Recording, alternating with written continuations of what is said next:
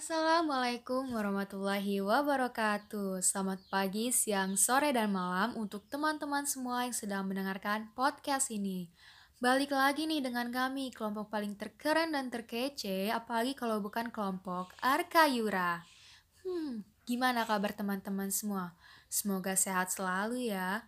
Dan jangan lupa untuk tetap terus menerapkan perilaku hidup bersih dan sehat di masa pandemi ini kita memang harus bisa benar-benar menjaga kesehatan kita guys. Ya bukan hanya di masa pandemi ini aja tapi untuk sekarang kita memang harus bisa menjaga imunitas tubuh agar tidak terserang penyakit yang disebabkan oleh virus COVID-19 ngomong-ngomong masalah virus COVID-19 gue baru aja baca berita bahwa pasien terkonfirmasi sudah menembus 207 ribu orang. Hmm serem banget loh guys Bener banget nih guys, ngomong-ngomong soal COVID-19 nih ya, gue baru denger berita. Katanya, pasien COVID bertambah menjadi 3.000 orang per harinya yang tersebar di 34 provinsi di Indonesia.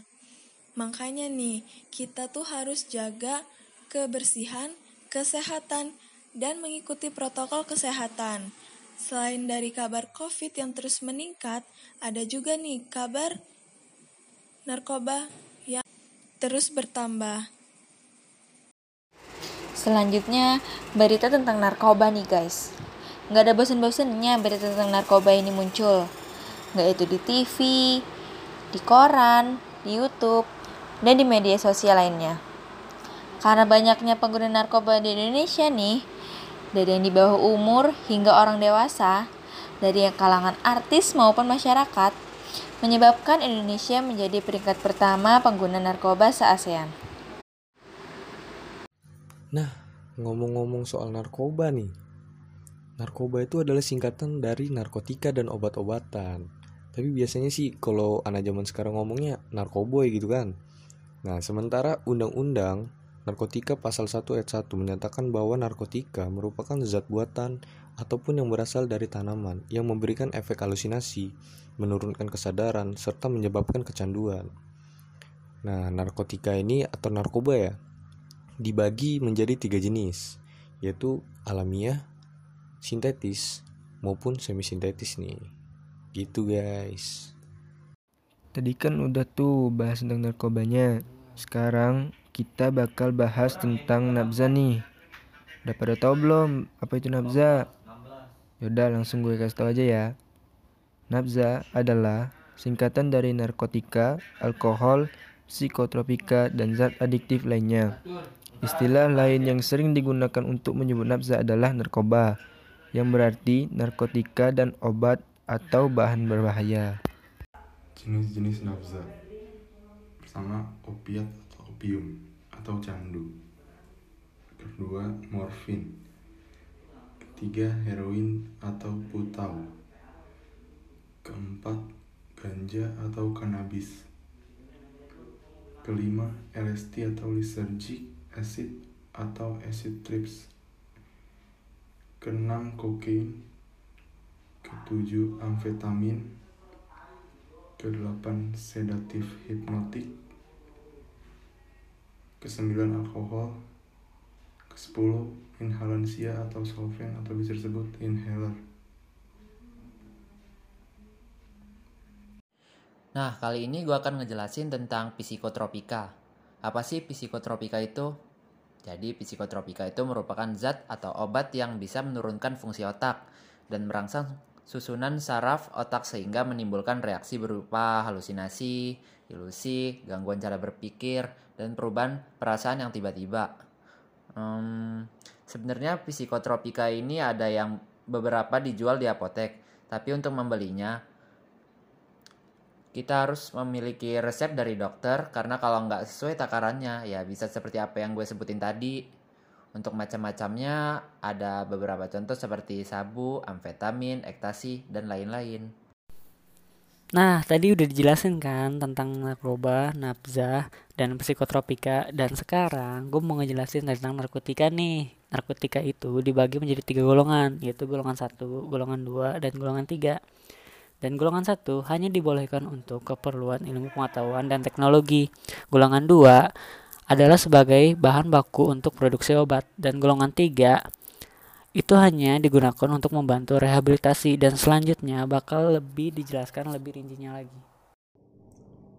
Jadi, saya di sini akan menjelaskan mengenai narkotika golongan 1. Menurut Undang-Undang Pasal 6 Ayat 1 narkotika golongan 1 adalah narkotika yang hanya dapat digunakan untuk tujuan pengembangan ilmu pengetahuan dan tidak digunakan dalam terapi, serta mempunyai potensi sangat tinggi mengakibatkan ketergantungan. Adapun contohnya yaitu 1. Opium mentah 2. Tanaman koka 3. Daun koka 4. Kokain mentah 5. Heroina 6. Metamfetamina dan 7.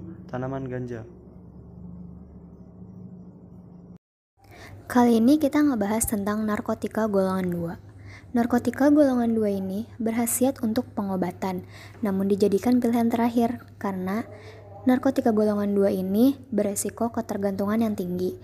Selain itu, narkotika golongan 2 ini dapat digunakan untuk terapi dan pengembangan ilmu pengetahuan. Contoh dari narkotika golongan 2 ini yaitu morfin, petidin, fentanyl, dan metadon. Narkotika golongan 3 adalah narkotika berhasiat pengobatan dan banyak digunakan dalam tenaga medis atau untuk tujuan pengembangan ilmu pengetahuan serta mempunyai potensi ringan mengakibatkan ketergantungan. Adapun jenis-jenis narkotika golongan 3 antara lain adalah 1. etilmorfina, 2. kodein, 3. volkodina, 4. profiram. Berikut ini adalah efek-efek penyalahgunaan narkoba bagi kesehatan. Yang pertama, kita akan mengalami ketergantungan.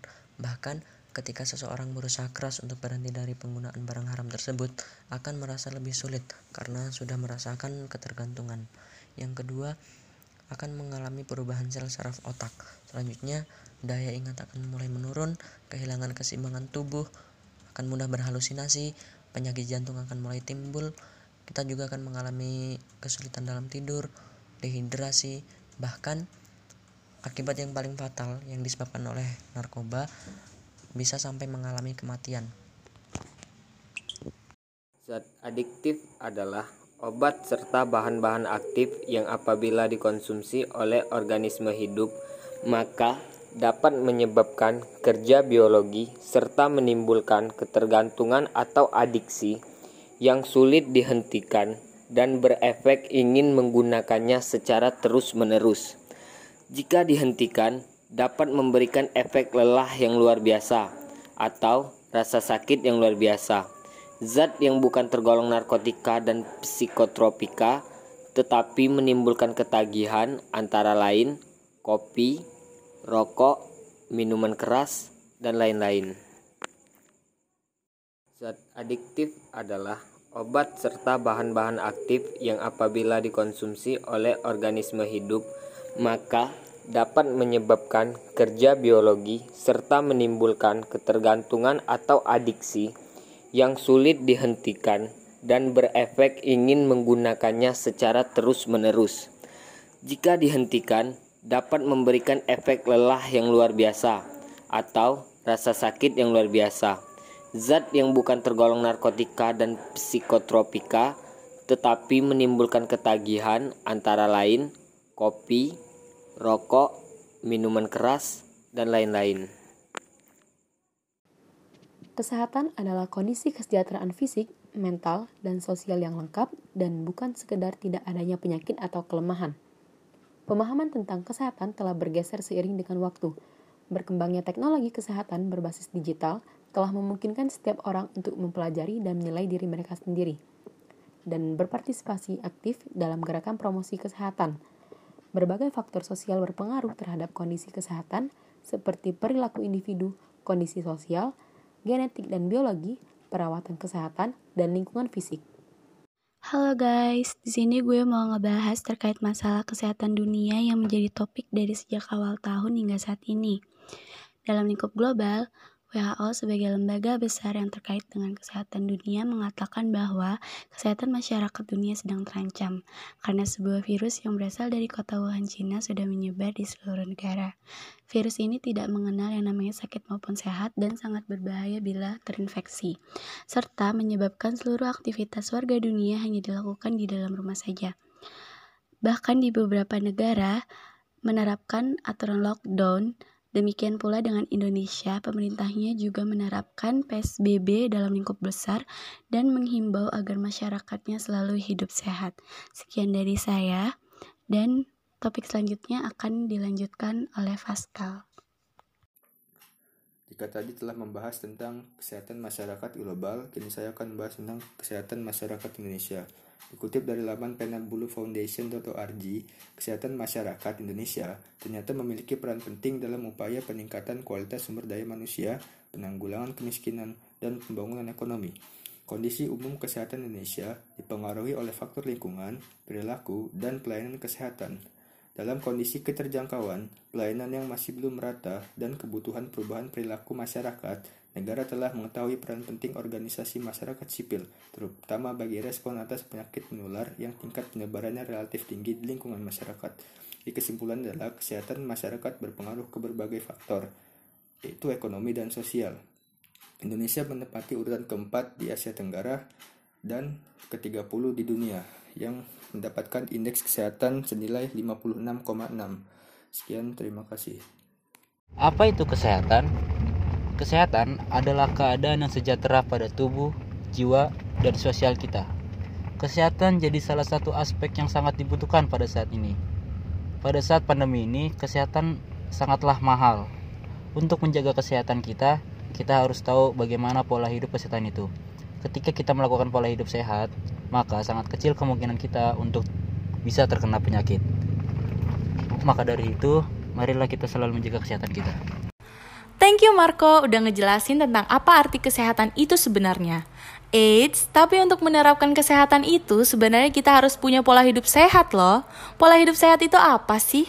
Pola hidup sehat atau yang sering kita kenal perilaku hidup bersih dan sehat adalah suatu perilaku komitmen untuk menjaga atau melakukan beberapa hal agar mampu mendukung fungsi tubuh, sehingga berdampak baik bagi kesehatan.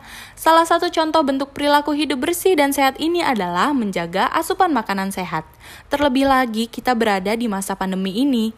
Perilaku hidup bersih dan sehat harus semakin kita tingkatkan, seperti berjemur di pagi hari, menggunakan masker saat keluar rumah, dan menjaga jarak apabila keluar rumah. Eh, tapi lebih baik kita hindari untuk keluar rumah ya, gengs. Kita bantu pemerintah untuk menekan angka-angka penduduk yang terpapar virus COVID ini. Terima kasih buat Azara Nusya Fitri yang udah ngejelasin tentang pola hidup sehat. Dan selanjutnya, saya Nathan akan menyebutkan pola hidup sehat. Pola hidup sehat itu ada olahraga yang cukup, makan makanan yang bergizi, tidur yang cukup, menjaga lingkungan tetap bersih, dan meminum minuman yang bervitamin. Selanjutnya, manfaat dari berolahraga di masa pandemi COVID-19 saat ini dapat membantu mengeluarkan bakteri dari paru-paru serta mengurangi kemungkinan terkena flu, pilek, atau penyakit lainnya.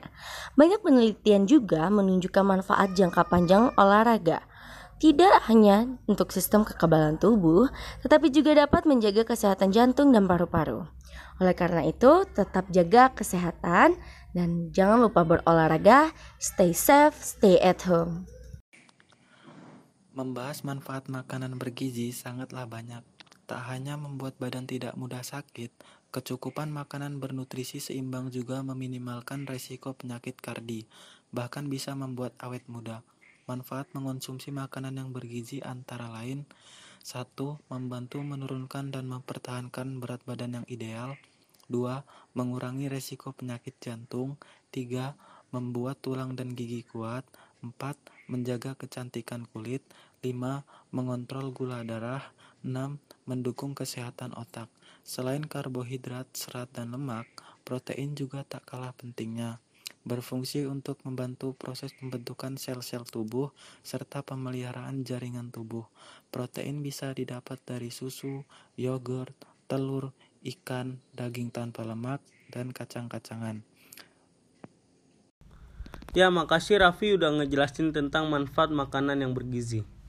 Nah, di sini gue mau menjelaskan apa itu manfaat menjaga lingkungan tetap bersih. Pertama, lingkungan menjadi lebih rapi dan nyaman untuk ditempati. Ketika kita memperhatikan kawasan kumuh yang berada di suatu daerah, kita akan merasa tidak nyaman untuk memperhatikannya. Seperti itulah penilaian orang terhadap lingkungan yang tidak bersih. 2. Terhindar dari penyakit menular. Penyakit menular dampak lingkungan kotor adalah DBD, diare, dan tipes. Penyakit tersebut jika tidak diobati dengan benar akan menyebabkan kematian. 3. Terhindar dari ancaman banjir. Penyebab banjir yaitu karena membuang sampah tidak pada tempatnya. Jadi, jangan membuang sampah sembarangan ya. Nah, selain dari menjaga lingkungan agar tetap bersih dan sehat, kita juga harus selalu mengonsumsi vitamin. Kenapa kita harus mengonsumsi vitamin? Karena vitamin memiliki banyak sekali manfaat, seperti sebagai antioksidan, melancarkan metabolisme kita, dan juga sebagai penambah sistem imun dalam tubuh kita agar kita tidak mudah terkena berbagai macam penyakit. Selain kita harus mengkonsumsi vitamin, kita juga harus berperilaku hidup bersih dan sehat. Nah, di sini gua akan memberikan tips and triknya. Kita mulai dari hal yang terkecil, yaitu membersihkan tempat tidur kita. Yang kedua, kita harus mengkonsumsi buah dan sayur agar badan kita selalu menjadi sehat. Yang ketiga, kita harus berolahraga agar badan selalu bugar. Yang keempat, kita harus membersihkan lingkungan sekitar kita agar sedap dipandang mata dan juga menjadi lingkungan yang sehat. Yang kelima, selalu mematuhi protokol kesehatan saat ingin berpergian keluar. Baiklah, terima kasih kepada Abdillah. Sekarang saya, Diko Azrinaldi, akan menjelaskan manfaat dari PHBS. Bagi masyarakat, dengan adanya PHBS, masyarakat akan mampu mengupayakan lingkungan yang sehat dan bersih. Lalu, dengan itu semua dapat mencegah dan menanggulangi masalah kesehatan. Dan masyarakat juga mampu mengembangkan upaya kesehatan bersumber masyarakat seperti posyarandu, jam kesmas, dan lain-lainnya. Untuk rumah tangga, setiap anggota keluarga dapat hidup dengan lebih sehat dan tidak mudah terserang penyakit.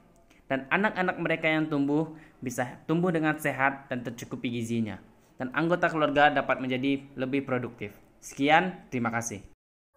Ternyata banyak juga ya dik manfaat PHBS itu. Terus sekarang kenapa sih PHBS itu penting? Perilaku hidup dan sehat itu sangat penting di era pandemi corona saat ini. Dalam rangka menuntaskan penyebaran virus corona, diwajibkan untuk seluruh masyarakat Indonesia melaksanakan PHBS sebagai upaya pencegahan penularan virus corona. Dalam melakukan PHBS itu dilakukan dengan cara Rajin untuk mencuci tangan, menggunakan sabun, selalu menggunakan masker pada saat keluar rumah, selalu jaga jarak dengan orang asing, dan menerapkan etika batuk dengan menutup hidung dan mulut menggunakan tisu atau lengan atas bagian dalam.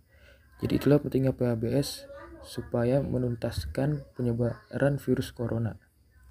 Jadi, gua mau menyimpulkan nih apa yang dibahas tadi. Ya, mungkin sulit berpaling dari kebiasaan lama. Tapi kalian harus menyadari nih, bahwa hidup sehat dapat memberikan kalian hidup yang lebih baik. Risiko terkena berbagai penyakit menurun, kesehatan mental terjaga, energi sehari-hari meningkat dan bonusnya sih penampilan pun bisa terjaga. Langkah apa aja sih yang bisa dilakukan?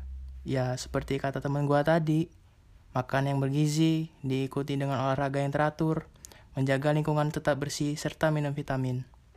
Pesan gua, kita juga perlu istirahat yang cukup, Aktivitas apa pun kalau kurang istirahat sulit untuk efektif. Tunggu apa lagi? Mari kita biasakan gaya hidup yang sehat. Oke, okay, first of all, makasih buat teman-teman Arkayura yang udah ngebahas tentang COVID sampai ajakan hidup sehat. Sebenarnya yang teman-teman gue omongin itu wajib diketahui oleh generasi muda Indonesia. Sebenarnya bukan generasi muda Indonesia doang sih, semua kalangan. Gue sangat berharap kalian yang ngedengerin dari awal sampai akhir itu diterapkan kembali dan gue juga berdoa semoga hal-hal negatif dijauhkan dari kalian semua amin Kayaknya sampai sini dulu deh podcast kali ini. Thank you for listening. See you on the next podcast. Bye bye guys.